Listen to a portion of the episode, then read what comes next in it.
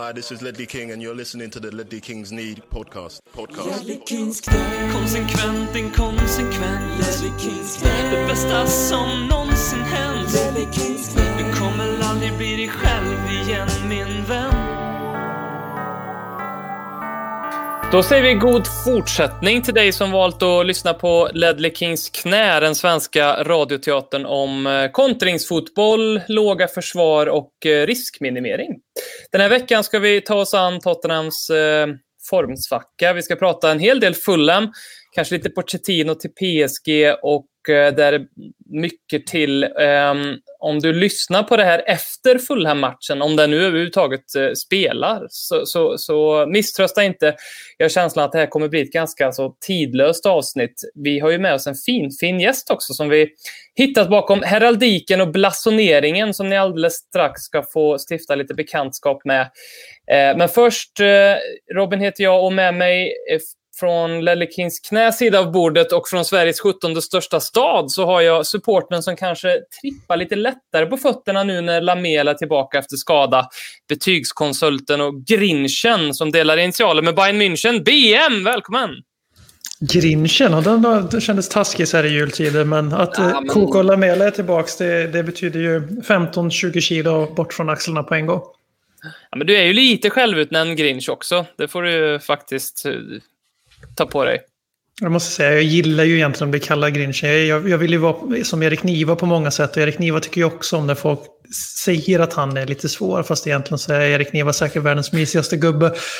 Uh, inga liknelser i övrigt, men jag kanske har lite de inslagen jag med. Mm. Vi får väl se. Våran eh, gäst idag, eh, enligt sig själv en eh, fotbollspervers sportjournalist. Han är mannen som hjälper oss att förstå fotbollens hieroglyfer, bland annat genom sin bok Fotbollens heraldik och sin podcast som han har tillsammans med David Krusell som heter Beyond the Badge, som handlar om symbolik, historia, kuriosa, emblem och mycket mer i fotbollens värld. Vi säger varmt välkommen till Leonard Jägersköld. Hej! Hejsan hejsan och eh, tack så mycket. Hur mår du? jo, nej, men jag var bra. Jag är väl eh, i lite någon latent paltkoma efter alla dagars ätande här, men, eh, men eh, annars är det bra. Lätt nervös inför, inte den här podden kanske, men inför det lillebrorsderby som, som den här podden delvis kommer handla om i alla fall. Mm, Tottenham Fulham, eller Fulham Tottenham. Jag, jag, vilka, vilka är det som är hemma? Det är väl vi, va? Craven Cottage imorgon, va? Ja. Nej, vi har, två, vi har två hemmamatcher i rad nu förresten. Det var inget. Det är ja. vi, vi som är hemma. Jag blev jätteosäker där, helt plötsligt. Ehm, så kan det gå. Är du Grinch eller är du julvurmare? Eh, jag är väl en Grinch i den mån att jag är en obotlig pessimist. Men när det kommer till julen så gillar jag ju glögg och julmat och paket. Så just julmässigt är jag nog inte en Grinch. Härligt att höra. Då vi balansera upp lite grann här. Det är ju såklart inte jag heller. Eh, julen är ju bland det bästa vi har här, tycker jag. Vi måste ju lära känna dig lite grann mer här först. Eh, och eh, i din podcast, eh, som vi såklart rekommenderar alla våra lyssnare att lyssna på. Jag tror att många har lyssnat på den och särskilt avsnittet som handlar om just Tottenham som ni gjorde tillsammans med Erik Niva i två delar. Eh, där jag lärde mig en hel del om vårat Eh, vår klubbemblem och historien bakom den som jag inte hade koll på. Bland annat Seven Sisters-träden och Bruce Castle-slottet och sådär. Eh, men i er podd så brukar ju ni när ni har gäster ha en liten faktaruta, så jag tänker en liten kort copyright, eller copyright, en liten copy-paste på den. Ehm, bara så vi får lära känna dig. Vad är ditt fullständiga namn?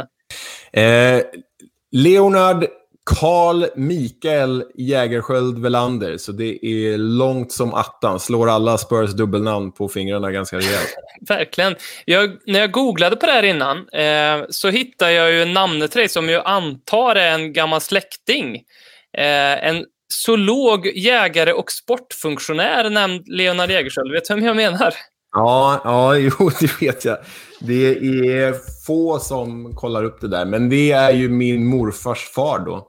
Ja. Eh, som, som var verkligen låg, skrev böcker och, och ska se så jag inte säger fel men jag tror faktiskt att han grundade Naturhistoriska Göteborg också. Så eh, eh, gillade djur gjorde han absolut och reste runt. Så det finns så här konstiga imperialistiska fotografier på honom där han eh, blir typ buren över bäckar av ur, liksom, eh, bäckar och floder av ursprungsinvånare som hjälper honom att upptäcka djur någon annanstans.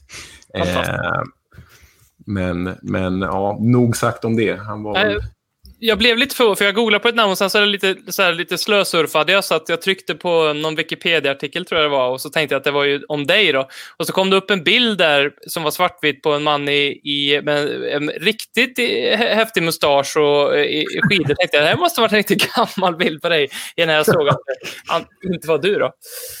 Uh, ja. Ja, nej, men det är en, det är en bra, bra researchat, får man säga. Det är få som har dragit upp den genom åren. Vad brinner du för? Eh, fotboll.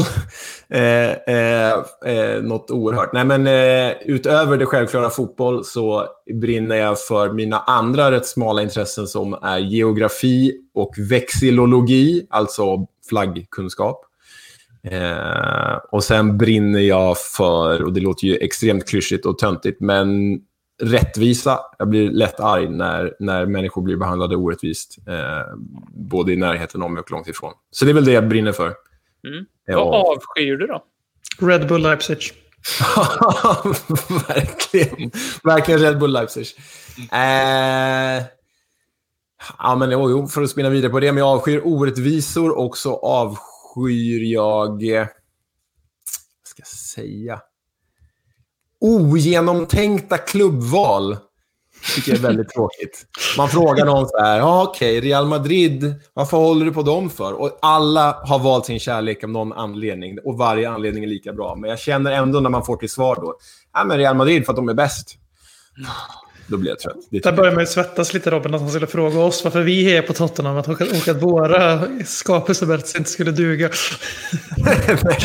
med tanke på att ni håller på Tottenham så duger de nog per automatik, skulle jag gissa väldigt smalt fönster av vår klubbs historia som man skulle kunna påstå att man började hålla på dem för att vi var bäst. Så att, mm. Man är född 1950. 47, 48 någonstans, då jävlar. Ja, eller typ 2010. Man är född 2010 och var, var tillräckligt ung för att bländas av den där Champions League-runnen som vi hade. Sant, sant. Vad är ditt favoritemblem? Eh, vi frågade, I vår podd frågade vi vår senaste gäst Gusten Dahlin samma sak. Och Det visade sig att eh, han och jag delar favoritemblem. Det är Blackburn Rovers faktiskt. Mm. Av den enkla anledningen att dels tycker jag det är väldigt estetiskt tilltalande eh, och dels har de ju ett latinskt motto, arte et labore, som eh, betyder typ eh, konst och arbete. Och Det tycker jag sammanfattar sporten på ett ganska bra sätt. Mm. Hur, hur, många veckor sedan var det Robin, du och jag satt och slaktade bland annat eh, Blackburns eh, latinska motto och några andra klubbar. Nej, då? Var det Blackburn vi slaktade? Ja, kanske det var. Jo, men det vi, var det ju. Mm. Det var främst Arsenal vi gav, gav, oss på. Eh, det var väl du som drev någon tes där om de här latinska mottorna och att vårat är bra men att alla andra är dåliga, någonting i den stilen. Och jag kom släpandes med Blackburn från någonstans djupt i sinnet, men jag kunde inte komma ihåg riktigt varför jag tyckte illa om den. Jag tyckte att den var klyschig och inte alls så genomtänkt. Och så sitter vi här nu några veckor senare. Ja, jag, jag tycker den är riktigt stark. Alltså. Hur många rosor finns det i klubbmärken egentligen? Det kan inte vara jättemånga, va? Um, bra fråga så här på uppstuds. Direkt när man tänker på rosen så tänker man väl på liksom Englands rugbylandslag egentligen. Ja. Men, men, eller typ Socialdemokraterna. Men um, det är väl Blackburn och sen är det något... Det finns något slovakiskt eller slovenskt gäng som jag har tappat namnet på nu som har typ tre gröna rosor i sitt emblem. Men mer på uppstuds kommer jag inte på någon. Så här, ja, det, Ja, det är ju otroligt starkt att plocka några slovenska slash slovakiska lag på uppstuds. Att... Ja, jag, gjorde jag missade ju namnet. De heter typ något G. Fasiken, det här kommer störa mig något otroligt, för jag kommer komma på det sen. Jag är väldigt ja. glad att inte Ledley King mötte ditt lag någon gång i Kvissaleta i alla fall. Vadå? Vi har chans att mötas en annan säsong. Vi, eh, alltså, det kanske är lite provokativt här, men eh, du håller ju på Fulham också. Och, eh, ja, det här jag tänkte på det tidigare att bland alla Premier League-lag så det känns nästan lite skomakarens barnsyndrom här. Har inte kanske Fulham den tråkigaste emblemet av alla 20 lag i Premier League? Uh, jo, det skulle man ju kunna tycka. Jag måste nästan kolla på det här. Alltså, ja, ja. Det är ju så jäkla tråkigt när du säger det. Ja, um, det man kan säga om det, som vi tjatar oss till leda om i, i vår podcast och som jag skriver om i boken gång efter annan, det är ju att eh, det lever ju upp till tidens moderna digitala krav. Det är väldigt mm. simpelt och då är det lätt att återskapa. Men det har ju liksom ingen historia eller tradition mer än att det, det här klubbmärket är knutet till de åren Fulham spelade i Premier League. Så det har ju något slags emotionellt värde. Men, eh, ja, nej. Visst är det trist. Det är det. Det, och det ehm. tog mig ändå ett bra tag innan jag, inte för att jag hade suttit länge och tänkt på det, men när jag vet när, jag, när ljuset gick upp för mig att det faktiskt står FFC på snedden sådär liksom. Um, ja, men det här kan du inte ha missat. Vad fan trodde du att det stod? Nej, men jag, alltså, nej, men jag, jag kan, alltså, jag, det, inte som att jag suttit och funderat på När jag väl gjorde det, då insåg jag att det står ju där, men jag, bara, jag har inte tänkt på det. Hade inte tänkt på det innan, så jag, liksom, jag ja, det är klart det är där det står. Liksom. Jag, jag tänkte inte att det var en text, utan jag tänkte att det var någon pilar liksom, eller någonting. Jag vet inte vad jag tänkte. Men um, okay. jag minns när ljuset gick upp för mig. Så, så insatte jag i heraldiken och symbolerna. Um, vad, vad, tycker du om vår ärkerival Arsenals logga? Eh, jag eh, hatar är ju ett starkt ord, men jag ogillar den ju ganska skarpt för att de i mina ögon har tagit något fint och traditionsrikt och med historisk tyngd och som sen de har slängt på någon avskrädeshög för att föra in den här kanonen i någon slags modern tid. Och då tog de liksom en generisk Fifa 2004-sköld och satte som bakgrund mm. till sin kanon istället för att ha kvar de här fina kungliga hermelinerna som de heter, deras gamla klubbmärke. Så egentligen gillar jag det de hade en gång i tiden, men det de har nu är ju tämligen horribelt faktiskt. Jag håller med. Jag tycker de och West Ham har verkligen den där lite alldeles för moderna. Det är kanske är något som någon eh, ja, heraldiker och historiker om hundra år kommer säga. Det var väldigt tidstypiskt och snyggt. Men här och nu tycker man att det, är, det ser lite plastigt ut, liksom, tycker jag. Ja, eh. ja, men verkligen så. Jag tycker väl att West Ham har lyckats bättre än Arsenal ganska rejält. Men, men eh, visst, West Ham är ju inte nu vad de en gång var heller. Absolut. BM, har du några favoriter? Klubbemblemsmässigt i Premier League eller fotbollsvärlden? I Premier League så finns ju ett enkelt svar, det är Tottenham. Eh, jag, tydligen, jag, kollade lite extra noga här och såg att det är tydligen en tupp som står på en, på en medicinboll ser det ut som. Jag hade aldrig reflekterat över det förut. jag tycker jag är lite svag för eh, egentligen, Brightons tycker jag, men jag tycker den är annorlunda. Eh, sen är det ju det är Seagulls. Eh, jag tycker, eh, jag tycker egentligen inte att... West Ham var ju någonting jag här, estetiskt tycker jag ganska tilltalande. Både färgschema och eh, logga. Men nu fick jag lite skam på den när du satt och hängde ut den sådär. Eh, sen så gillar jag Aston Villas färger slash logga av samma skäl. Jag gillar den färgen. Alltså den färgen, Burnley-färgen kallar vi den bara för det. Så får de cred för något de andra har? ja, precis. precis. Och sen så är det, det är ju någonting med eh, Manchester United, men det tror jag mest är så brandat från när man var liten. För det var ju, det var ju laget för min generation, eller vår generation, i dem eller Arsenal. Och nu är jag ju Tottenham-supporter, men United var ju större än Tottenham när jag var liten och ung, om man säger så. Mm. Mm. Eh, utanför Premier League, oj, oj, vad ska man börja? Real Sociedad. Det som kommer fram spontant. Jaha, det är, det är så flagga, fotboll och krona. Alltså. Den är ändå ganska ovanlig som favorit. Va, vad är det du gillar med den? Just det här med gamla medicinbollar, alltså det är ju fotbollar vi pratar om här, men det påminner mig lite om Spurs och så är färgschemat. Eh, sen eh, i Tyskland så önskar jag att Union Berlin hade den snyggaste loggan, men hur, man, hur jag än vrider och vänder på det så är ju kanske det enda som är fult med den klubben är kanske deras logga. Men det är bara mitt, mina snabba tankar. Mm. Är det, för er som, som ändå pratar om det här ämnet nu, men som kanske inte är lika intresserade som jag är, hur mycket påverkar det era sympatier för en klubb? Du har uppenbarligen sympatier för Union Berlin, men stör det dig betänkligt att de har ett fult klubbmärke? Nej, det är så man sitter och väntar om man ska klicka hem tröjan eller inte. Så bara, mm, och sen så gör man det ändå. Så att nej, absolut. Ja. Sen, jag är mer saker som förstör mer för mig när det kommer till sympatier, det är ju ja, klubbens historik eller om de har någon lutning i, i någon social fråga som jag kanske inte tycker om. Därför har jag till exempel svårare för Chelsea och eh, West Ham än vad jag har för Arsenal faktiskt, som jag måste välja. Eh, det är inte den sportsliga rivaliteten som är störst för Tottenham, men eh, jag har svårt att omfamna någonting med Chelsea när de så sent som förra året så nazisalutar i Lille. Så supportrarna då, inte klubben, bör ju tilläggas. Ska jag så det är mer, mer så. Vad sa du, Leo? Ska jag ta den som en enorm pik att du inte nämnde Fulham i det, sammanhang, i det här sammanhanget överhuvudtaget? jag, jag, jag, jag vågar inte uttala mig om Fulham. Noll koll på deras... eh, Men jag visste i alla fall att det stod FFC i loggan. Ja, det är bra. Det är poäng. Eh, Säger vi som håller på aristokraterna Tottenham Hotspur. Är det är Viktigt inte med de logiskt, sociala frågorna i, när det kommer till klubbval och fotbollslag. Eh, du håller på Fulham, Leo. Hur kommer det sig? Eh, det här är en historia som brukar generera skit för de jag berättade för. Och jag kommer säkert få det från er också med tanke på vilket lag ni håller på. Men i min ungdom och när jag tittar tillbaka så ett av mina absoluta favoritlag någonsin var Chelsea pre-Abramovic.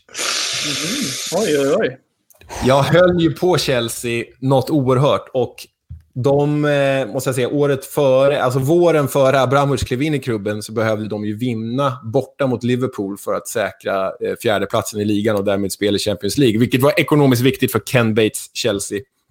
Och då vann de 1-0 och Jesper Grönkjær gjorde matchens enda mål. Och, jag, och där, där- och då såg jag från tv-soffan, det är topp tre supporter stunder i mitt liv fortfarande, trots att jag inte känner något för Chelsea idag.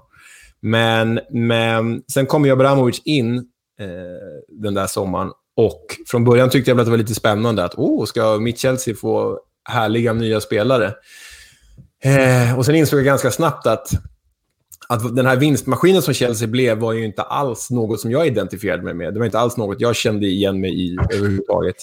Eh, och de här liksom ganska själlösa Lego Knekt-spelarna som kom in också, som tog plats från sådana som Micke Forsell och Robert Hoth.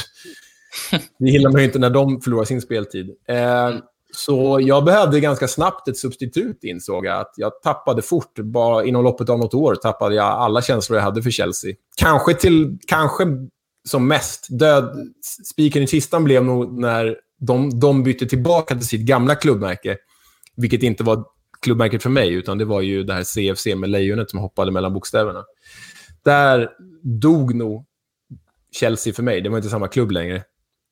Och då vurmade jag redan lite för Fulham, som gick upp där 2001, va? Tror jag, 2001, 2002. Första gången i Premier League. Och värvade min favoritmålvakt vid den tidpunkten, Edwin van der Sar. Det tyckte jag var jättehäftigt att en nykomling kunde ha så stora muskler och värva någon så prominent spelare, även om han var rätt misslyckad i Juventus. Ehm, och det i kombination med att de som nykomling höll sig kvar och gjorde det bra, gjorde väl att det blev ett lätt steg för mig att ta bara en tunnelbanestation i, i London. Liksom. Så därför blev det Fulham, för att eh, Chelsea förstördes. Och det låter inte så schysst mot det Fulham jag håller på idag. Och framförallt blir jag en supporter som byter lag, vilket är ju helt fruktansvärt. Men så är det. Så var det.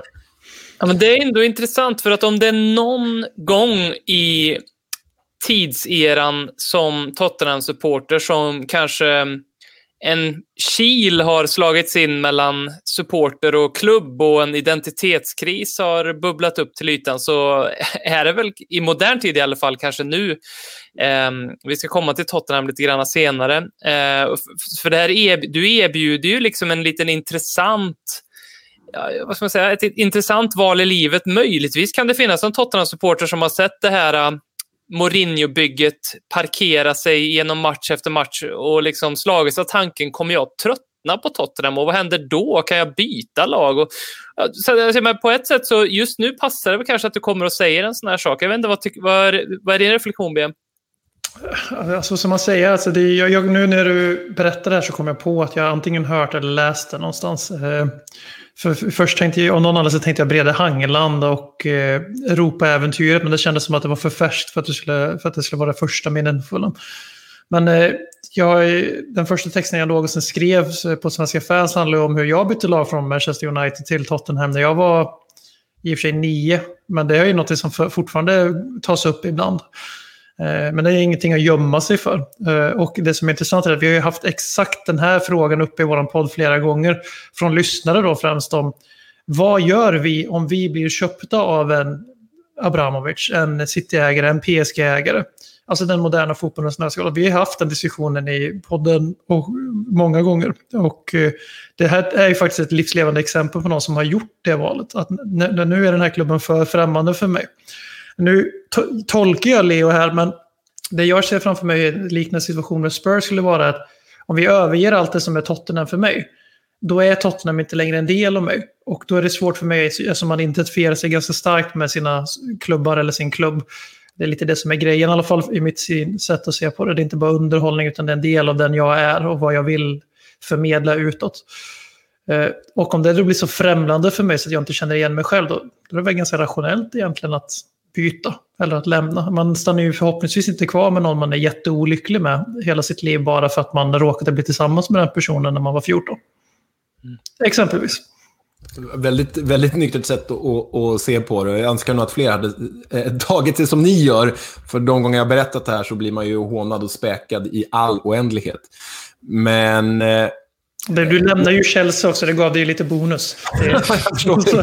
Det är kanske rätt målgrupp att berätta det här för. Eh, Nej, men jag, för det som hände mig, jag var ju, hur gammal var jag då? Jag var väl en 16 år kanske, något sånt. 15-16. Så man var väl liksom på väg att gå från det här barnstadiet till att bli någon slags tänkande varelse i alla fall. Där någonstans i, i limbot emellan.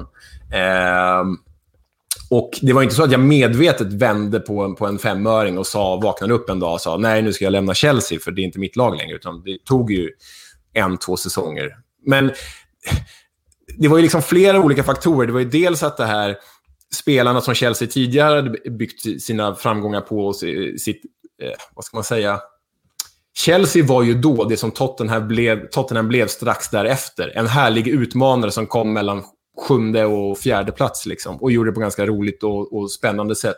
Med en blandning av utländska artister, gärna ojämna som satan, som Jesper Grönkjær och Bodewine Senden och Gianfranco Sola. Och en kombination med unga brittiska typer, typ eh, Frank Lampard och John Terry som kom upp där. Inte visste jag då vilket as John Terry skulle bli sen, men, men eh, det, ja, så var det. Men de gick ju från det till att bli det här legoknäckslaget som dessutom inte hade något samvete eller någon empati eller någon emotionell känsla överhuvudtaget. För de yxade ju Ranieri där efter en säsong, trots att han tog dem till andra plats. Och det, det var massa sådana faktorer som byggdes på tills jag till slut en dag kände att Nej, men det här, jag kan inte stå för det här. Det här är inte jag. Klubben fasade ut mig mer än jag fasade ut klubben. Om du bara visste hur många Tottenham-supportrar just nu som är, inte kanske exakt lika långt gång med den här processen, men som är i någon form av liknande process bara för att José Mourinho är vår tränare istället för Maurizio Pochettino. Mm. att, ja, men det, jag, jag, det förstår jag, för jag, jag tänkte det, den tanken själv när, när Mourinho eh, utsågs till ny Tottenham-tränare. Att hur kommer supportrarna kunna hantera det här? Identifiera sig med fienden som dessutom står för en helt annan filosofi än vad klubben har i sitt DNA. Så det, jag förstår dem. Jag förstår er allihopa som känner så.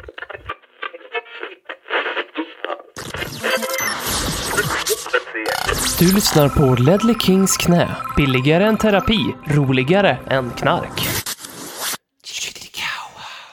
Vi, vi, vilka är, vad ska vi säga, Fulham, ni har inte förlorat på fyra matcher, har jag rätt då? Kryssat er igenom i alla fall. Eh, Kryssat oss igenom ett ganska för Fulham tufft spelschema ändå. Ja, men ändå Liverpool bland annat.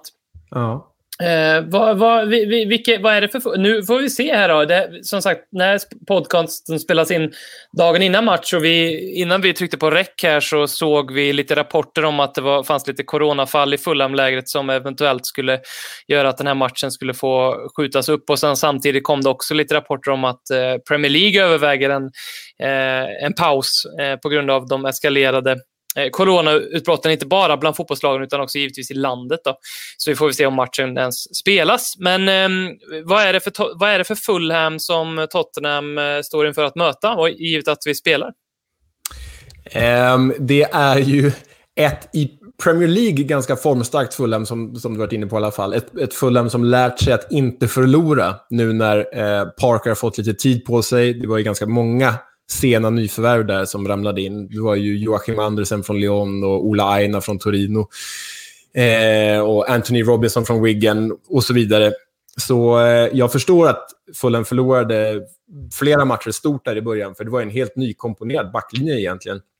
Först en för dålig backlinje, sen en nykomponerad backlinje. Men nu när det har satt sig så har Parkers mannar i alla fall slutat förlora. De kanske inte vinner, för de vet inte hur man gör mål riktigt. Men det är ett eh, tajt lagbygge med någon slags... Jag landar alltid någonstans i att jag jämför Parkers eh, tränarstil med alla de andra brittiska dinosaurierna till föregångare. Men han är lite mer raffinerad än så, men det är ju ändå någon slags defensiv pragmatism, spring, spring till du dör-mentalitet som genomsyrar Fulham idag. Det är inte det här artistiska Fulham som skärmade i alla fall mig i början på 2000-talet. Inte jätte... Parker är alltså en brittisk Mourinho. han, han, är väl inte lika smart som Mourinho. Han är def definitivt mer, mer stilig och klädsam än Mourinho. Men eh, nej, ja visst. Liknelsen kan väl göras. Då är det Tror många du... Tottenham-supportrar som eh, blir ledsna nu, för det är många som lobbar upp honom som vår nästa manager. ja, nej, då behöver, han, då behöver han leverera mer. Det fin och det finns ju inte en tendens till skönspel under hans regim, det gör det inte. Va, vad tror du om Scott Parker då? Eh, han har ju haft det ganska motigt under hela sin sejour som, som Fulham-tränare. Eh, tog över där under förra Premier League-säsongen eh, och lyckades inte hålla dem kvar. Men det var ju helt värdelösa förutsättningar. Och Sen kom ju det här Championship-året då han faktiskt tog dem upp igen. Ju. Fyra i ligan och sen via kvalfinalen eh, upp till Premier League.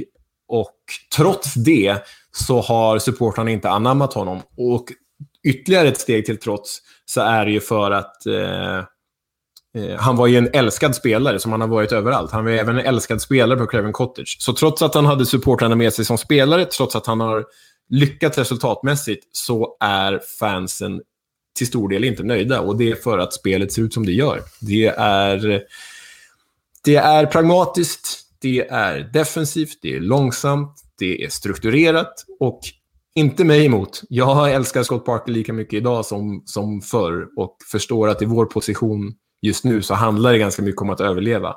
Självklart hade jag hellre sett att han hade inspirerats av Martin Joll än någon annan. Men eh, men eh, så är det inte. Och för mig är det då okej okay att han står för den fotboll han gör. I alla fall ett tag. Tills, tills vi har hållit oss kvar i Premier League och lyckats etablera oss. Det är väl inte helt oväntat med tanke på den typen av fotbollsspelare han var heller. Alltså, visst, han kunde väl ha vissa flärdfulla eh, stunder i, i, i Tottenham och så här, men han var ju väl... Han stod, han, som jag minns Scott Parker, för han var ju en spelare som jag tog till hjärtat väldigt snabbt när Harry Redknapp eh, tog in honom som eh, städgumma på mittfältet. Alltid tröjan instoppad i byxorna. Och, eh, det var liksom eh, väldigt trippade runt bollen, var mest bekväm liksom att jaga och tackla. Så, så det känns inte helt, alltså, inte helt förvånad att det är den fotbollen han står för heller. Eh, vad, vad, ehm, vad tänkte jag på?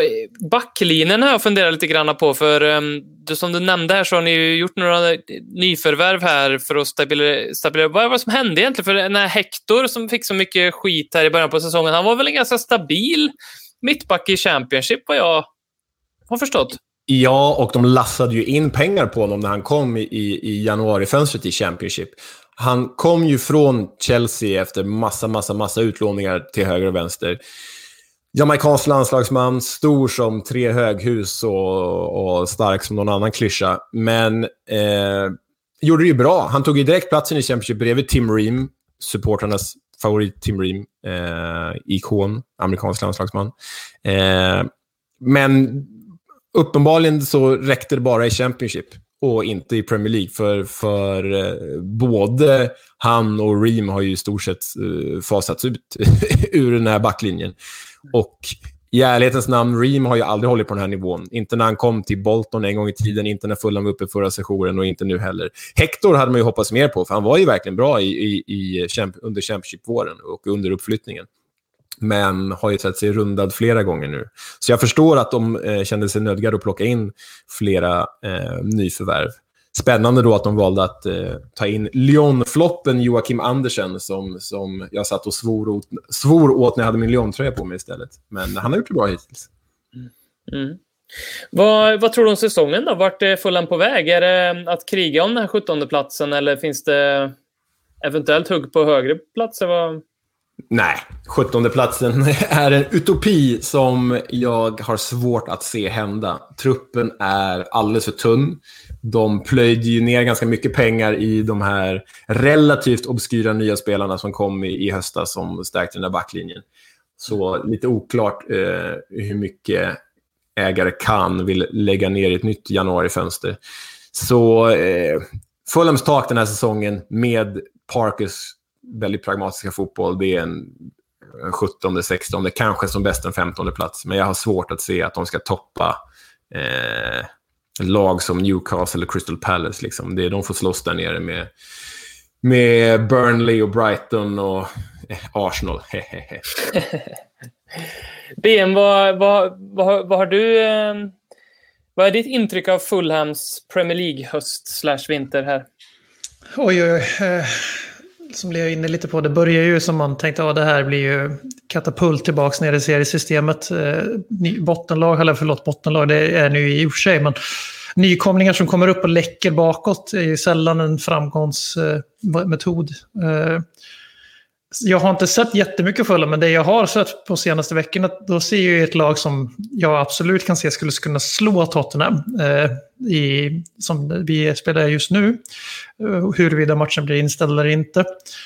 Eh, jag tycker man var direkt imponerande mot Liverpool. Man, eh, jag, jag, kan inte uttala hela efternamnet nu, men Anguissa är ju helt fantastisk på mitten. Det är någon som jag, Frank, tror jag, Frank Sambo Anguissa. Exakt. Verkligen eh, utmärkt sig tycker jag. Eh, sen eh, är Scott Parker den jag tittar mest på eftersom han är så otroligt snygg på sidlinjen. så är det.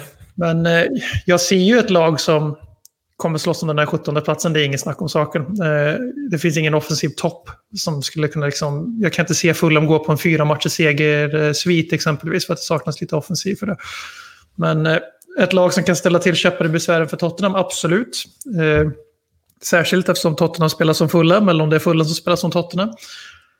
Så det, det är liksom så här lag. Fulham är annars generellt ett lag som jag alltid här, tycker varmt om. Det är ett lag som jag vill att det ska gå bra för. Jag vet inte riktigt varför, eller om det är helt oförlåtligt med tanke på London-rivaliteten. Nu är halva Premier League från London i stort sett, men eh, det, det, det är en klubb som, som jag alltid håller lite varmare. De flesta Premier League-lagen håller jag mig högst neutral till. Vissa är jag direkt kritisk eller ogillande till. Och så är jag varma känslor för Tottenham och så är Fulham mig ganska nära där, alltså på den varma skalan. Eh, förmodligen för att de kom upp i Premier League och etablerade sig ungefär samtidigt som jag upptäckte Premier League. Och därför för mig känns de som ett Premier League-lag och det är alltid konstigt när de inte är där tycker jag. Ja, och Craven Cottage. Hur, hur, hur, brukar du resa och se fulla någonting, Leo? Eller är det något som återstår att göra? Eller? Ja, men jag har sett dem, men eh, bara två gånger faktiskt. En gång i Premier League och en gång i The Championship. Jag eh, reser gärna på fotbollsresor, men jag reser ju allra helst och ser något nytt hela tiden. Um, så det är några jag återkommer till fler än andra och Fulham har ju bara varit två gånger hittills. Men, men eh, Eh, ja, jag har väl lovat mig själv att nästa gång de når en kvalfinal så ska, ska jag dit igen. Nej, men Craven Cottage, jag kan, kan väl verkligen rekommendera den arenan. Jag har varit eh, runt en del, och, och inte minst i England. Och Craven Cottage, stämningen kräver ju att de slår en motståndare med 3-4-0 för att det ska bli bra. Men bara promenaden dit, pubbarna utanför, Themsen längs ena långsidan. Det är ju förträfflig arena. Man ska tidig Nej, sen vår, tidig sommar, tidig höst. Då ska man befinna sig på Craven Cottage. Då är det som bäst. Det är bara fotbollsmys. Men det är det verkligen. namnet kort. Det är inte säkert att alla våra lyssnare har koll på. För Craven är ju annars ett ganska vanligt engelskt ord för feg. Så för mig blir det så här fegistugan liksom. Det är inklingstugan. Det känns inte riktigt som att det är där det kommer ifrån. Och nu har vi ändå en expert på ämnet här. Ja, bra fråga. Jag, jag, vet faktiskt inte varför just Craven har blivit, blivit eh, eh, namnet på, på The Cottage. Men den har ju sitt ursprung i alla fall. att Det var ju eh, gamla kunga, kungahusets gamla jaktstuga. Och då snackar vi alltså medeltid här. Vi snackar Anne Boleyn.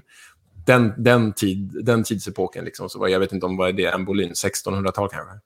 Eh, men gammal jaktstuga. Och den här stugan då eh, var ju ute i, i, i, skogen som det var på den tiden läng, längs Themsen. Och eh, när man var ute och jagade. Och sen har väl den liksom funnits i olika eh, byggts om och rustats upp och sådär i olika varianter och versioner genom åren. Men det slutar ju i alla fall så att här byggde man ju en fotbollsarena till slut, Craven Cottage. Och då är det så att den här gamla jaktstugan finns integrerad i arenans ena hörn idag, vilket är jättefräckt när man sitter helt snett för att platsen är alldeles för små. Så jag sitter som en hopkurad gammal tant på Craven Cottage. Eh, för jag är väldigt lång och platsen är avsedda för folk som är 1,57, typ. Den enda gången jag varit där så kom jag därifrån som Sheffield Wednesday-supporter faktiskt. Nej, men vad är det här? Ja, nej, men eh, jag såg eh, Fulham Sheffield Wednesday på nyårsdagen, eller om det var kanske ja, tidig januari för fem år sedan i Championship. Lovisa Jokanovic var tränare. Alexander Kasaniklic spelade för Fulham. Och eh, som, det, som det ofta blir, tycker jag, när man åker på engelsk fotboll som neutral åskådare, så blir man ofta skärmad av bortaföljet för att det är de som hörs mest. Och där står det alltid ett par, eller många, fyllon utan tröja, trots att det är januari och skrålar med tatueringar över hela kroppen. Och det är någonting som är charmigt och det gjorde Sheffield Wednesday, som också vann matchen med 1-0, tror jag. Eh, så att det var... Men, men däremot, Craven Cottage blev jag otroligt charmad av bara att gå ut i halvtid och ta en, en öl längst hem. För vi satt på den långsidan då. Det var ju... Ja, det upplever man inte alltid i England, eh, att miljöerna kring en arena är så fina, så att säga. Nej, den är, det är väldigt bildskön. Nu bygger de ju om den långsidan också, så att det ska bli lite mer modernt. Det får vi se om vi kommer gilla det eller ej. Men, men man ska kunna sitta där och hänga ut över Themsens kant i alla fall. Men Kacaniklic i Championship, han var ju ingen Championship-spelare, det kan man ju lugnt Nej. säga. Ja, han hade en riktigt tuff match. Jag tror Musa Dembele var där också, alltså den yngre, så att säga. Anfallaren också. Just, eh. båda har ju spelat i Fulham, just så, Av någon anledning så finns det en Tottenham-koppling med Musa Dembele, eh, även den yngre. Bara för att det kändes som att han alltid var på väg till Tottenham, men aldrig riktigt tog klivet som Sessignon gjorde sen. Josh Onoma måste vi bara nämna. Vart står han i din bok? Han eh, hade ju perioder förra säsongen då han var väldigt bra och bidragande till, till Fulhams offensiva spel. Men han dalade ju mer och mer ju, ju längre säsongen gick. Framförallt ju mer intensiv våren gick. så. Eh, han är ju ingen Fulham-legendar om vi säger så. Men visst, han, han har väl ett, eftersom att han var med och sköt upp dem till, till Premier League så, så uh, står han ju ändå på, mer på plus än på minus i min bok. Det gör han. Men jag kommer att glömma bort honom om tio år. Vi är denna vecka sponsrade av Ingenting. Ingenting är det bästa alternativet där ute för dig med sunt förnuft som skyr saker som spelbolagsreklam eller 15% på redan alldeles för dyra kläder som ingen kommer bry sig om om ett halvår ändå. Gå inte in på någon hemsida och framförallt uppge ingen rabattkod. Kom ihåg, livet är mer än konsumtion. Tack, Ingenting! Vi eh, skiftar fokus och pratar Tottenham eh, istället. Eh, vad, vad, eh, vad, skulle du sätta för eh, symptom eller diagnos, kanske rättare sagt, ett uttryck, Leo, på Tottenham här, som vi, där vi ser och sett den senaste tiden? Eh, men för att bara återknyta lite till, till det som vi nämnde tidigare, det här med när, när Mourinho tog över, är att framgång har ju sitt pris. Och det tycker jag man ser på, på Tottenham idag och BM nickar instämmande här. Och jag, jag kan ju inte sätta ord på en Tottenham-supporters känslor. Jag kan inte bestämma vad en Tottenham-supporter känner själv. Men det jag har sett utifrån, det är ju ett, en klubb och ett lag som har bytt spelfilosofi och identitet i jakt på framgång och titlar. Och det kanske är värt det. Det kan inte jag avgöra. Det får alla ni supportrar avgöra. Men, men eh, jag, jag eh, förstår att vissa verkligen omfamnar det här och jag förstår att andra inte gör det. Ehm, för egen del så var ju Tottenham, har ju Tottenham alltid varit ett lag jag har sympatiserat med. Eh, det här oerhört frejdiga och jag kan tänka mig att vi hittade Premier League samtidigt ungefär, BM tidigt 2000-tal. Och Tottenham var det här oerhört frejdiga, offensiva, glada laget med Robbie Keane i spetsen och Freddie Canoté var där. Och unga killar som Jermaine Jennings och Aaron Lennon slog igenom. David Bentley gjorde mål från halva plan. Och det var ett fantastiskt lag. Benoit Souekoto, Erik Edman. Och sen kom Jamie Redknapp in när jag jobbade på Viasat och körde Premier League och Champions League varje vecka och helg i fyra år. Och det Tottenham var också fantastiskt, för det var ju fortfarande ett charmigt och ödmjukt Tottenham med en ung Bale och van der Vaart och Pavlyuchenko. Det var ju, och Brad Friedel i kassen. Det var ett fenomenalt roligt lag att kolla på som man verkligen unnade framgång, som dessutom nådde någon slags rimlig framgång i alla fall.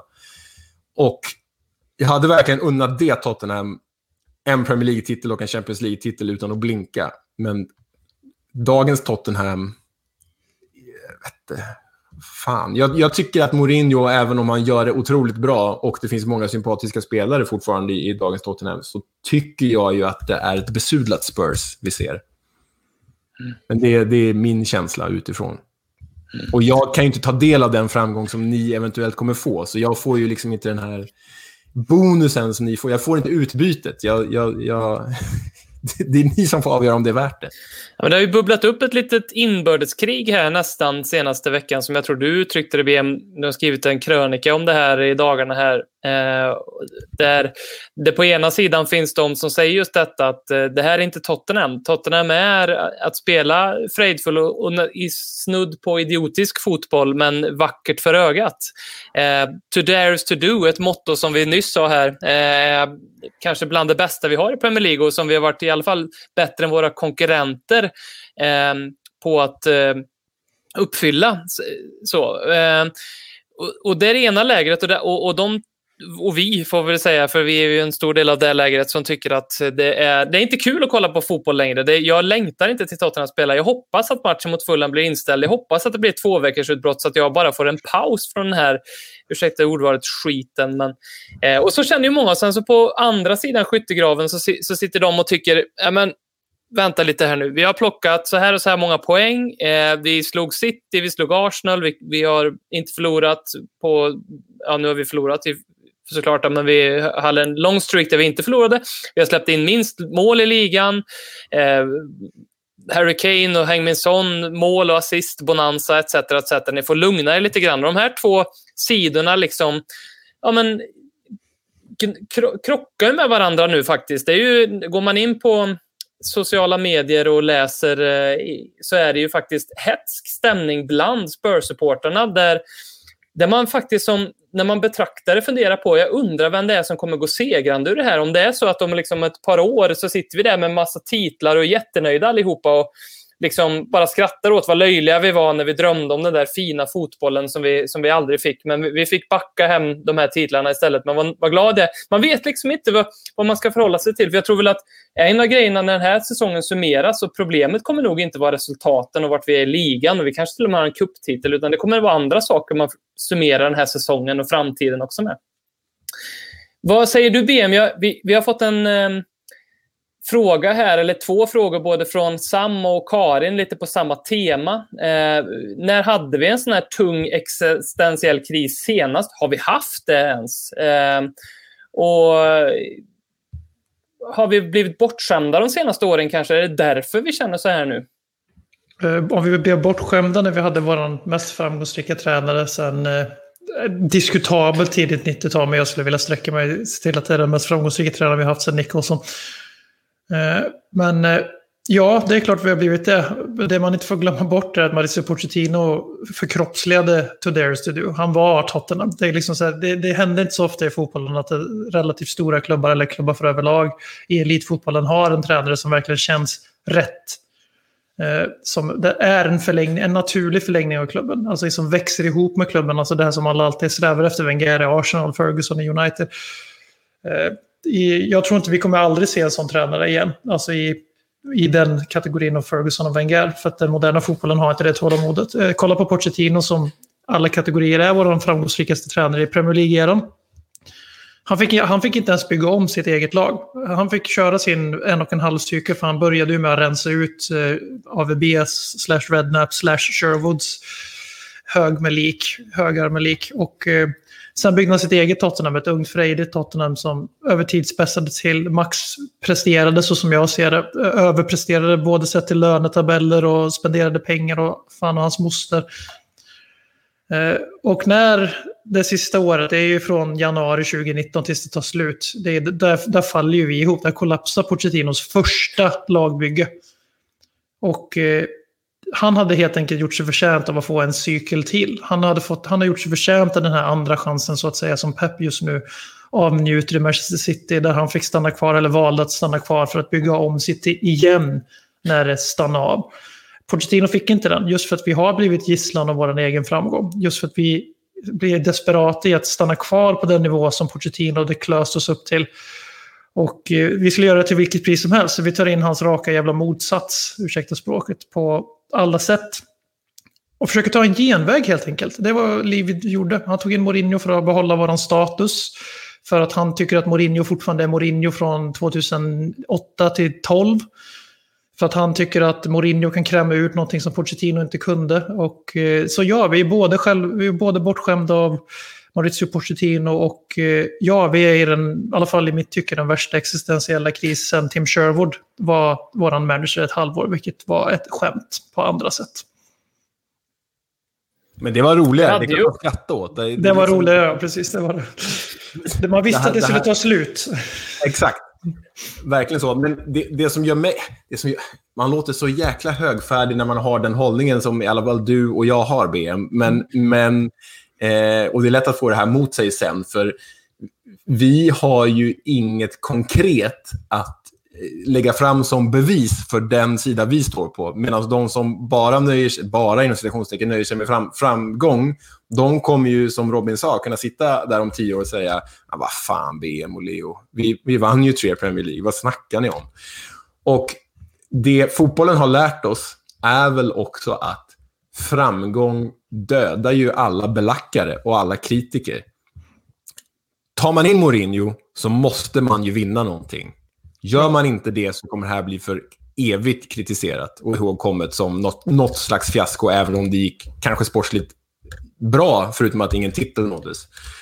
Men når man de där titlarna så, så kommer de flesta kritiker försvinna. Det är jag övertygad om. Det är ju bara att titta på alla andra klubbar som, som varit i samma situation. Ett, ett PSG där det var uppror bland supportrarna eh, när, de, när de köptes och som sen bara ja, har liksom blivit ja, ett med klubben eller lämnat den helt i och för sig. Men det finns många typer av klubbar. Jag tänker på när Cardiff gick upp i Premier League när Vincent Tan köpte dem. Han var ju hatad, den bombskurken, för, för att han bytte både klubbmärke och, och färg på tröjorna. Men så tog han upp dem till Premier League och då var han älskad istället. Så framgång föder ju förtroende.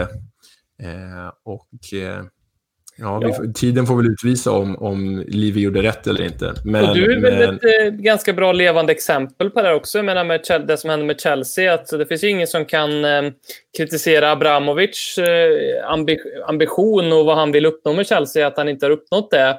Ehm, och jag menar, det, då, då, då förlorar man kanske lite supportrar på vägen. Som... Det, blir, det blir väl priset, men det de räknar in i sin ganska kalla, i sin kalla Excel-fil, eller sin kalla kalkyl, det är ju att de här Leos och BM som vi offrar på något slags liksom, marknadsaltare, de får, vi ju till, de får vi tillbaka hundrafalt genom att det är massa nya fotbollsturister överallt annars, överallt annars i världen som kommer gilla oss för att vi spelar bra fotboll. Mm. Eller för att vi vinner titlar eh, i det här fallet. Eh, så vi är ju lätt offrade, tror jag. Och alla bygger ju, alla har ju verkligen rätten till sin egna definition av fotboll och till sin egna definition av vad, vad ens klubb är. Men för mig så kommer det aldrig handla om framgångarna, utan det handlar om att klubben måste stå för någonting som jag tror på. Och det är det som jag tycker mig se att Tottenham håller på att förlora just nu. Instämmer. Fint, Fint summerat. Ja, hur känns det nu att uh, hamna på hörnet där som en Mourinho-kramare? Ja, men jag, är lite, jag är lite Mourinho-kramare. Eh, sen är jag ju, och det vet ju du VM, att jag, för mig är ju fotboll konst. Alltså jag, jag tittar ju på fotboll för att jag vill uppleva någonting, för att jag vill eh, få upp pulsen, för att jag vill ha något att minnas. Och när jag går och lägger mig på kvällen där liksom 23.00 efter en Champions League-match och börjar ligga och tänka på de där målen, så då, då vill jag inte ligga och tänka på åh, det där, den där 1-0-vinsten när vi, liksom, vi täckte varenda skott. Utan, Åh, vad här. Alltså, för mig, det, det, det pirrar inte till. Eh, eh, så. Eh, jag tycker kanske inte att man behöver vara så svartvitt. Att det, här, det kan faktiskt vara så att Mourinho eh, nu eh, kan, också förstår att han måste bjuda på en mer attraktiv fotboll in, för att han inser att ja, men det är så jag kommer att behöva nå resultat med Tottenham. kanske inte funkar att spela den här fotbollen. Det kanske spelarna inte tror på det. Då måste han ändra på sig. Vi får väl se. Men jag har, jag har väldigt svårt att förstå de här kritikerna som, som säger nu, men vänta lite nu. Titta nu när vi kommer vinna ligacupen och komma fyra. Liksom. Jag har, varför tittar ni på fotboll ens? Varför slår man på en match om man bara bryr sig om resultatet? Det har jag jättesvårt och, och det har jag aldrig liksom, eh, riktigt förstått med. Eh, vi, vi, eh, vi, ska, vi ska komma över till det här med Pochettino snart, men jag måste bara... En spelare som har varit aktuell i veckan har varit Marcel Sabitzer och vi har ju fått en fråga från vår vän Afex Triplet som honom. Eh, vad, vad, tro, tro, tror vi att han kan komma in på någon eh, gyllene eh, rida in på en gyllene gryning med en fin vit häst här och, och fixa laget Tottenham 2021? Eller vad, vad tror vi om Sabitzer?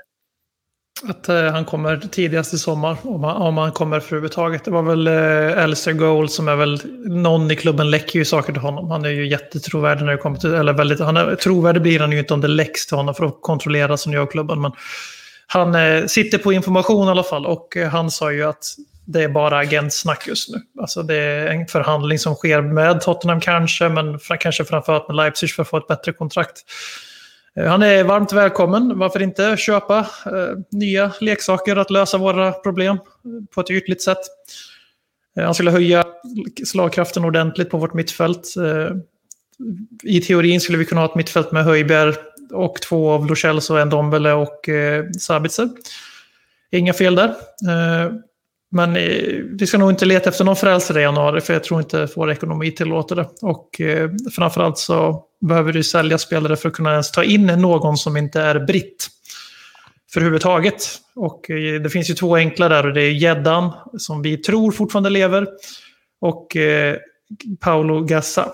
Som jag, Gassa Gassa, som jag kan säga nu när Håkman inte är med. Mm. som ryker först och främst. Men vi får se. Han är varmt välkommen till Tottenham, men jag skulle inte, jag skulle inte stå på nyårsafton och skåla mot en liljevit framtid med Sabitzer på mittfältet som löser våra problem, utan stanna kvar i mörkret med mig istället. Jag vet inte varför jag fick in en nazistisk koppling där när jag sa gyllene gryning. Jag var tvungen att bara tänka på det. Är inte det något sånt där... Uh... Men det är Grekland ju. Ja, jag, jag, jag ber om ursäkt för det. Det måste ha varit något... Uh, uh, Förhoppningsvis inte ett Freudian slip of the mind. Nej, jag, precis. Jag, jag aktar min tunga här nu framledes, men det kommer inga mer nazistiska äh, metaforer. Framförallt inte i Tottenham-sammanhang. Nej, vi, vi, vi, vi går vidare. vi, eh, Pochettino. Jag, Förlåt att, jag, förlåt att jag avbryter, jag måste bara säga en sak. Eh, eh lä, lägga in en, en, en eh, grej om min relation till Tottenham. Eh, som Fulham-supporter eh, till, till Tottenham. Jag sa ju att jag alltid vurmat lite för Tottenham och sympatiserat med, med ert ofta trevliga lag. Men det har gått lite i clinch med min roll som Fulham-supporter. För det råder ju ingen tvekan om att vi är eh, lillebror i det här sammanhanget. Så är det ju med de flesta, om man jämför Fulham med de flesta Londonlag.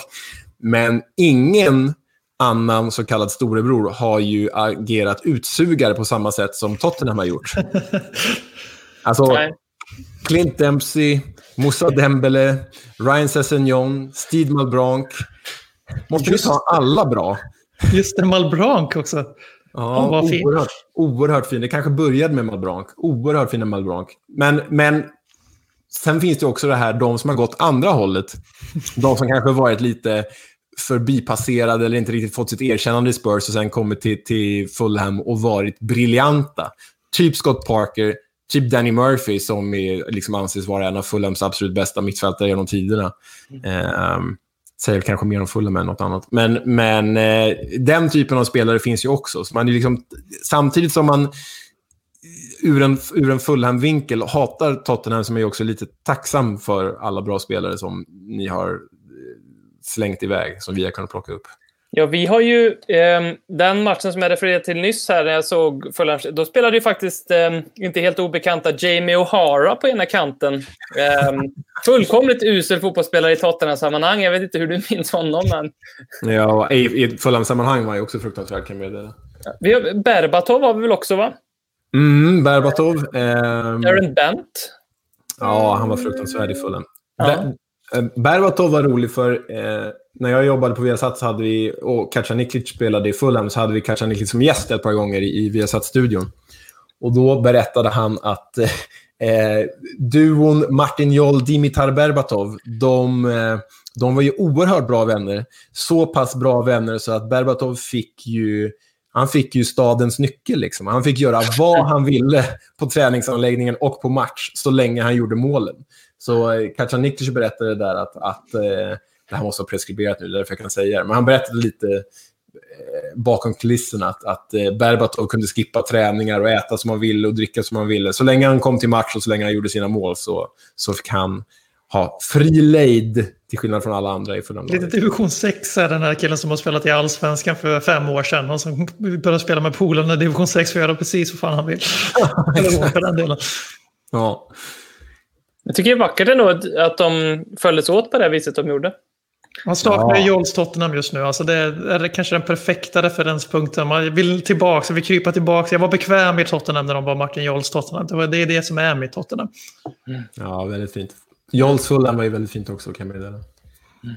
På tal om en gammal eh, Tottenham-tränare, Christian Gross tog över Schalke här. Jag, jag, det är typ det deppigaste jag sett. Alltså, Alltså om vi pratar José Mourinhos Tottenham så har vi George Grahams och Christian Gross som är liksom, möjligtvis Jacques Santinis också som har varit tråkigare. Uh, jag, jag trodde inte Christian Gross hade en tränarkarriär fortfarande, men det har han ju såklart. Uh, och nu också återförenas han med Benjamin Stamboli i Schalke. Och Nabil Bentaleb, om han är inte utfryst, vilket han mycket väl fortfarande kan vara.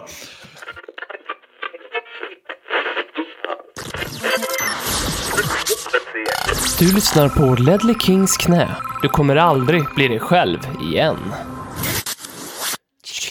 Men eh, tränare och tränarbyten. Mauricio Pochettino verkar så gott som klar till PSG. Eh, Leo, vad tänker du om den övergången eller tillsättningen?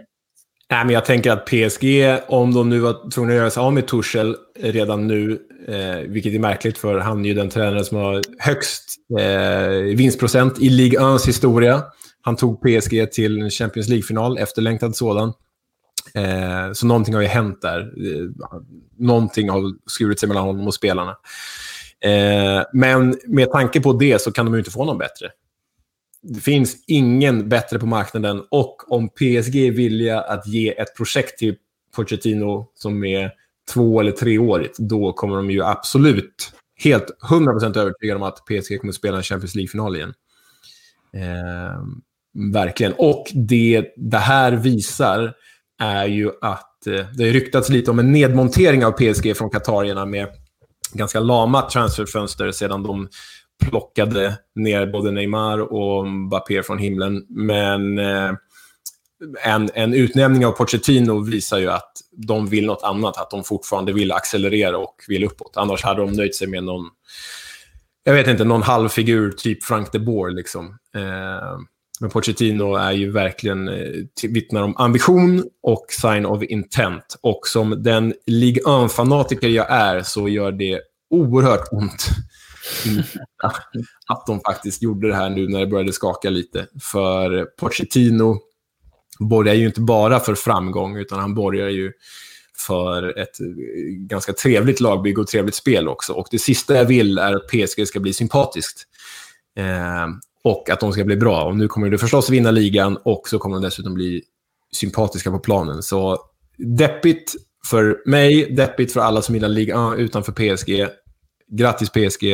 Eh, och förståeligt dessutom eftersom att Pochettino faktiskt har spelat två år i PSG. Ju. Mm. Eh, um, jag tittade på den truppen, det var 2001 till 2003. Det var ju ett overkligt lag. Om man jämför dagens urtråkiga PSG med alla de här världsstjärnorna och alibi-stjärnorna. Och så tittar man på 2001-2002. Då spelade alltså en backlinje där tre av backarna var Mauricio Pochettino, Gabriel Ivan Heinze och Fredrik de Hy. Alltså, kom igen. Fantastiskt. Underbart. På mittfältet JJ Okocha och Ronaldinho. Helt sjukt. På topp Nicolas Anelka. Det är ju... ja. Finns det inte ett eh, väldigt fint foto som jag tror jag såg eh, i dagarna här på just det, typ den här duon, eller duon, kvartetten, när de står uppradade som ett pojkband? Eh, jo, jo det var på Twitter. Ja. Han har sitt långa hår där. Ja. Mm. Nej, det, det är... Oh, jag vet inte, det är så tråkigt på så många, många, många sätt. För jag, jag tittar ju verkligen på Lyons alla matcher. Jag missar ju inte någonting. Och, ja. Men det, det kommer gå jättebra för PSG och Pochettino. Det är klart att de gör det. Men det är ju sådana här lägen som ens eh, vad säger, moralkompass blir lite synad. Eh, här har vi liksom tittat på PSG eh, på ett visst vis. Eh, hatat dem lite grann för vad de står för och allt det där. Och sen så kommer en av våra stora favoriter dit och då börjar vi genast fundera på, är jag så här lättköpt? Är de sköna nu helt plötsligt bara för att Pochettino är där? Vad, vad tycker du, Ben? Eh, ja, en viktig sak med om man ska hålla på med poddar är att man måste vara eh, en hycklare och man måste vara öppen när man hycklar. Eh, jag kommer försöka att linda in det här fint genom att berätta om när jag åkte till Paris 2014 och kom hem med en silvrig PSG-tröja med Pauleta på ryggen. Så jag har en historik med PSG före Qatar. Det är jätteviktigt att ha det sagt. Men det går, alltså PSG är ju tillsammans med Manchester City kanske de tydligaste exemplen på vad som är fel med den moderna fotbollen enligt mig. Eh, jag har den här säsongen tagit stort nöje att sitta och följa Lyon faktiskt och deras framtåg med Tino Kadewere från Djurgården och eh, uppriktigt njutit av att Lyon ser ut att vara liksom, bland många andra lag, för det är precis som i Premier League, det är otroligt jämnt där i år. Eh, Kunna utmana PSG och det är ju alltid roligt i de här ligorna där samma lag tenderar att vinna. Och eh, helt plötsligt så börjar Pochettino till PSG-ryktena komma och då känner man direkt att fan, Paris Saint-Germain, är, är de så jävla illa pinkade? Alltså är, om de får göra Pochettino-filosofi här nu, att de värvar ungt utvecklingsbart och satsar på sin egen akademi istället för att se Koman hamna i Bayern eller Juventus för den delen, eller för att se en Konko hamna i Leipzig och så vidare. Uh, Pochettino han kommer aldrig låta något sånt hända, utan han kommer spela de killarna istället. Så det kanske kommer in en Del Ali också. Helt plötsligt har man ett, eh, som många har skrivit i vår grupp, Parrots Pågar, som heter Morinos Muppa just nu. Uh, är det många som har skrivit i veckan att ah, kanske man har ett andra lag att titta lite på? Då, Nej! oh, förtvivlat hemskt. Mm. Där är jag inte riktigt, men eh, det jag ska inte ljuga. Det, PSG blir ju... Def, jag, kommer ju jag kommer ju hålla på PSG i Champions League nästa säsong. Det är bara så mycket, så mycket tycker jag om Maurizio Pochettino och framförallt och, och även om Della Ali går dit. Jag skulle njuta av att se Della Ali med bucklan tillsammans med Pochettino i juli eller fan Champions League-finalen nu blir. Och eh, tänka på hur Mourinho sitter där med sin jävla ligacup där vi har slagit Brentford, Stoke och eh, Chelsea. Det är ju, jag tror framförallt i Tottenham-läger så är det ju lite av en lättnadens suck för att jag tror det var många som såg han eh, ta över efter Ole Gunnar i Man United. Det, det brann ju till här bara för någon månad sedan. Eh, nu när Arteta har stapplat så är det ju en och annan som har börjat fundera, inte kan han väl? Nej, tror ni att han kan? Nej, så där, då har man börjat känna så.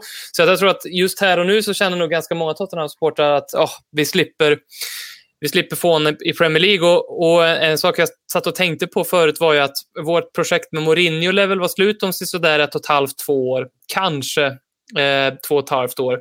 Eh, Pochettino, kanske ännu högre vinstprocent än Thomas Tuchel, men så förlorar han väl den där Champions League-finalen igen eller så ligger han trea i ligan i december och så får han gå och då kanske återföreningen med Tottenham en, inte är fullt orimlig ändå. Jag vet inte. Så det, det är min förhoppning. Det, det är det enda jag liksom tänker placera den här händelsen eh, i hjärtat. Att det kan leda till att Pochettino ändå kommer tillbaka och frälser oss med fotboll igen. PSG, PSG är alltså Tottenhams farmarklubb. Det stämmer ju i och för sig. Vi har ju plockat både Serge och Lucas Moura därifrån. Så. Mm. Hämtar mycket bra därifrån. Eh, en sista fråga här från Simon. Christian Eriksen tillbaka. Vad, vad tror ni? PSG, Tottenham, vart är han på väg? Ja, är det, ja, det är PSG-podden nu. Ja, vi får hitta på något bra franskt namn där. Jag kan inte uttala... Le Bleu et Rouge eller något sånt där. Laurent Blanc panna? Nej. Laurent Blancs panna.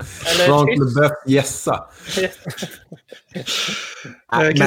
Christian Eriksen tillbaka till eh, Tottenham, Fulham eller PSG. Ja, det skulle vara jävligt kul att se honom i Fulham om jag fick välja en av de tre. Ja, det hade varit njutbart. Eh, Tottenham, jag kan, jag kan inte se Eriksen frodas i ett Mourinho-system. Det kan jag inte. Nej, inte jag heller. Vill du ha tillbaka honom, Robin? Nej, absolut inte. Men eh, jag tänker... Jag, jag, tänker direkt på att det är inte är helt osökt att han hamnar i PSG här tillsammans med Dele Alli i januari. Men det är också samtidigt så, det är en liten fråga upp till Pochettino där. Han har ju ändå varit ganska sentimental och lojal på det här sättet tidigare plockat spelare från Southampton till Tottenham han gillade och, och, och sådär.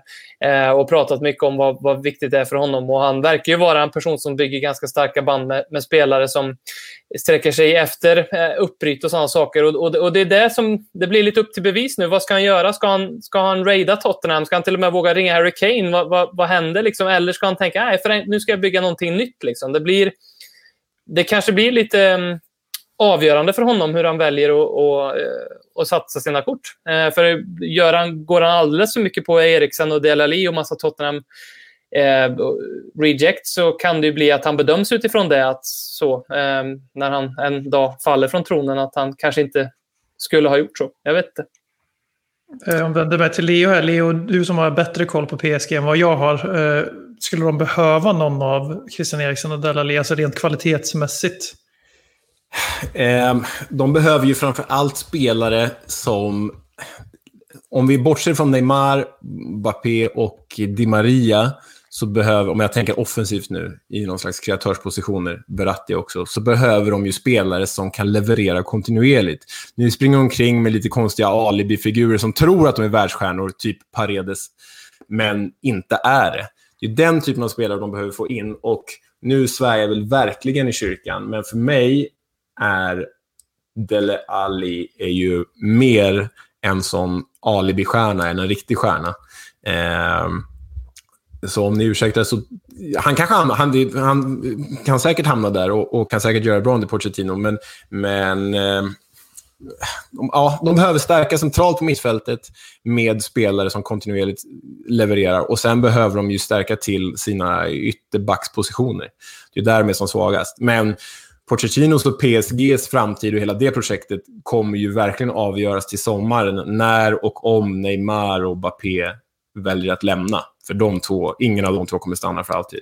Framförallt inte Mbappé. Och försvinner en av dem, då tror jag att både pengarna och telefonsamtalet finns för att åtminstone höra av sig till Harry Kane. Jag tror också. Jag tror, jag tror, jag tror Dele Alli är definitivt mer, alltså om man tänker världsstjärnor från de andra tre du nämnde, som är det i PSG där är han ju inte, han är ju inte på den nivån konsekvent. Han har kanske aldrig varit riktigt så högt heller, även om det såg verkligen ut så för några år sedan. Han var 2021 och dominerade i Premier League i en väldigt välhållen maskin.